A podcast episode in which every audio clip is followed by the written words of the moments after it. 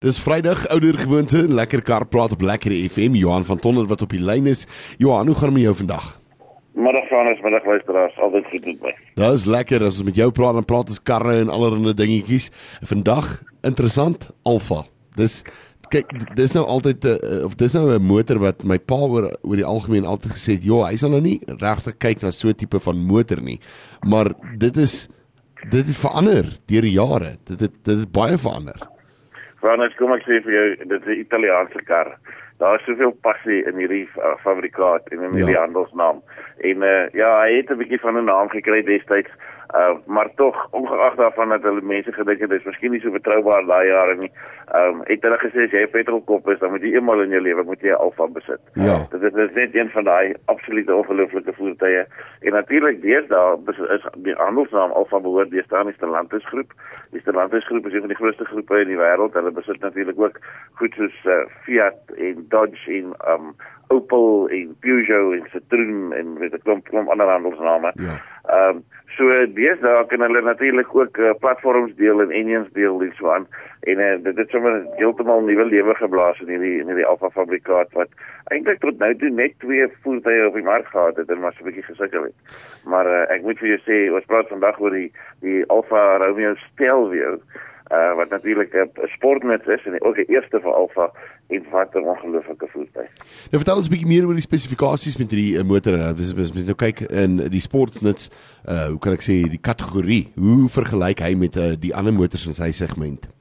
Ek hy vergelyk baie goed. Hy sien nou hy sien nou kompeteer met iets soos 'n BMW X3, die Audi Q5, die uh, Mercedes GLC, met daai tipe van voertuie. Ehm um, prysklas gewys ook Uh, maar ek moet vir jou sê hy het 'n bietjie van 'n ander inslag want as jy in hierdie Alfa klim dan ry hy nie soos 'n sportmens nie. Kyk 'n sportmens is so 'n bietjie hoër met groot wiele en hy's 'n bietjie bakrol want hy hy het langer um uh weet spasie in sy in sy vering met meer beweging beweegruimte in sy vering. Ehm um, maar as jy in hierdie Alfa klim dan bestuur hy soos 'n soos 'n hot hatch, weet jy, so lekker. Hy het 'n lekker 2 liter turbo engine onder die kap, 206 kW, 400 Nm wringkrag. Hy doen nie loopie van 0 tot 100 onder 6 sekondes 5 5.7 sekondes en hy sal hy sal uit op 230 so maar nou moet ek vir jou ook sê dan as jy moet hom ry hy hy stoor daai krag deur al vier wiele en dit is natuurlik nie uniek nie baie karre doen dit maar meeste karre wat vierwiel aandrywing het het 'n 'n voorkeer tot voorwiel aandrywing en dan weet word die krag verplaas aan die verskillende wiele na gelang van waar dit nodig is. Ja. Maar die Alfa het 'n 'n baie soos Engelsman sê, 'n voorkeur vir die agterwiele. Uh nou die ouens wat nou geleer bestuur het in die 80s en daaraan toe of agterwiele aandrywing karre gehad het, weet dat jy moet weet dit is 'n jy moet kan bestuur om daai goeder te bestuur. Nou hierdie kar is absoluut seker want hy vierwiel aandrywing soos ek sê en 'n uh, fantastiese uh, gearbox en ZF agterspoed outomatiese radkas. Ehm um, en en uh, maar jy vat hom deur 'n pas en deur die draaie uh, ja. en dis amper as ek vir nie met hom ry nie hy dans so amper deur die deur die pas. Dit is net dis 'n ongelooflike kar om te ry is 'n bestuurderskar om te ry en as mens nou kyk na binne en jy kyk na al sy ehm um, spesifikasies binnekant uh, hoe lyk dit? Is is dit baie luukse wat mense sal verwag van Italiaanse karre? Ja, baie liks binne net soos jy net soos die Duitsers waarmee hy kompeteer natuurlik. Ehm uh, leer uh, jy het al die skerms voorin wat jy wil hê, jy het al die stelsels wat jy wil hê. Ehm um, en dan natuurlik het hy hierdie fantastiese Alfa wiele, Alfa spesifieke stuurwiele wat hulle gebruik. Ehm um, en die een wat ons gehad het, is natuurlik gekom in so Ferrari rooi.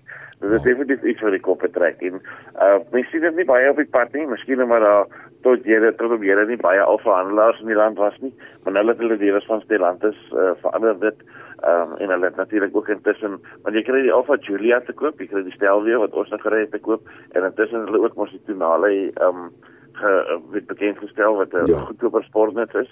So die die die modelle word meer, die handelaars word meer en ag dit sou net 'n lus vir die oog wees om meer van hierdie voertuie op die pad te sien. En Johannes, mens kyk na prysgewys op hierdie Stelvio, wat waarna kyk 'n mens?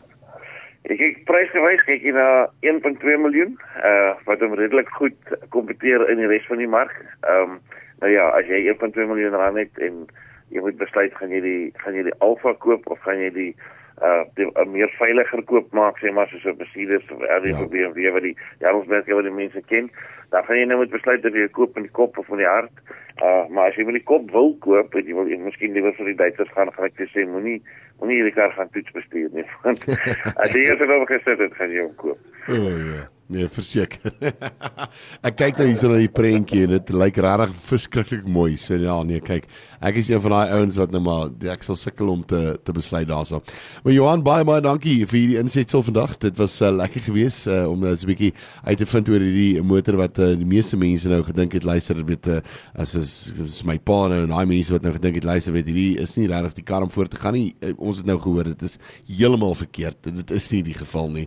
Dinge het baie verander soos wat tyd ook aangegaan het, nê. Nee. Definitief. Johan, mooi dag vir jou daarso. Ons praat weer volgende week. Totsiens. Totsiens. Totsiens.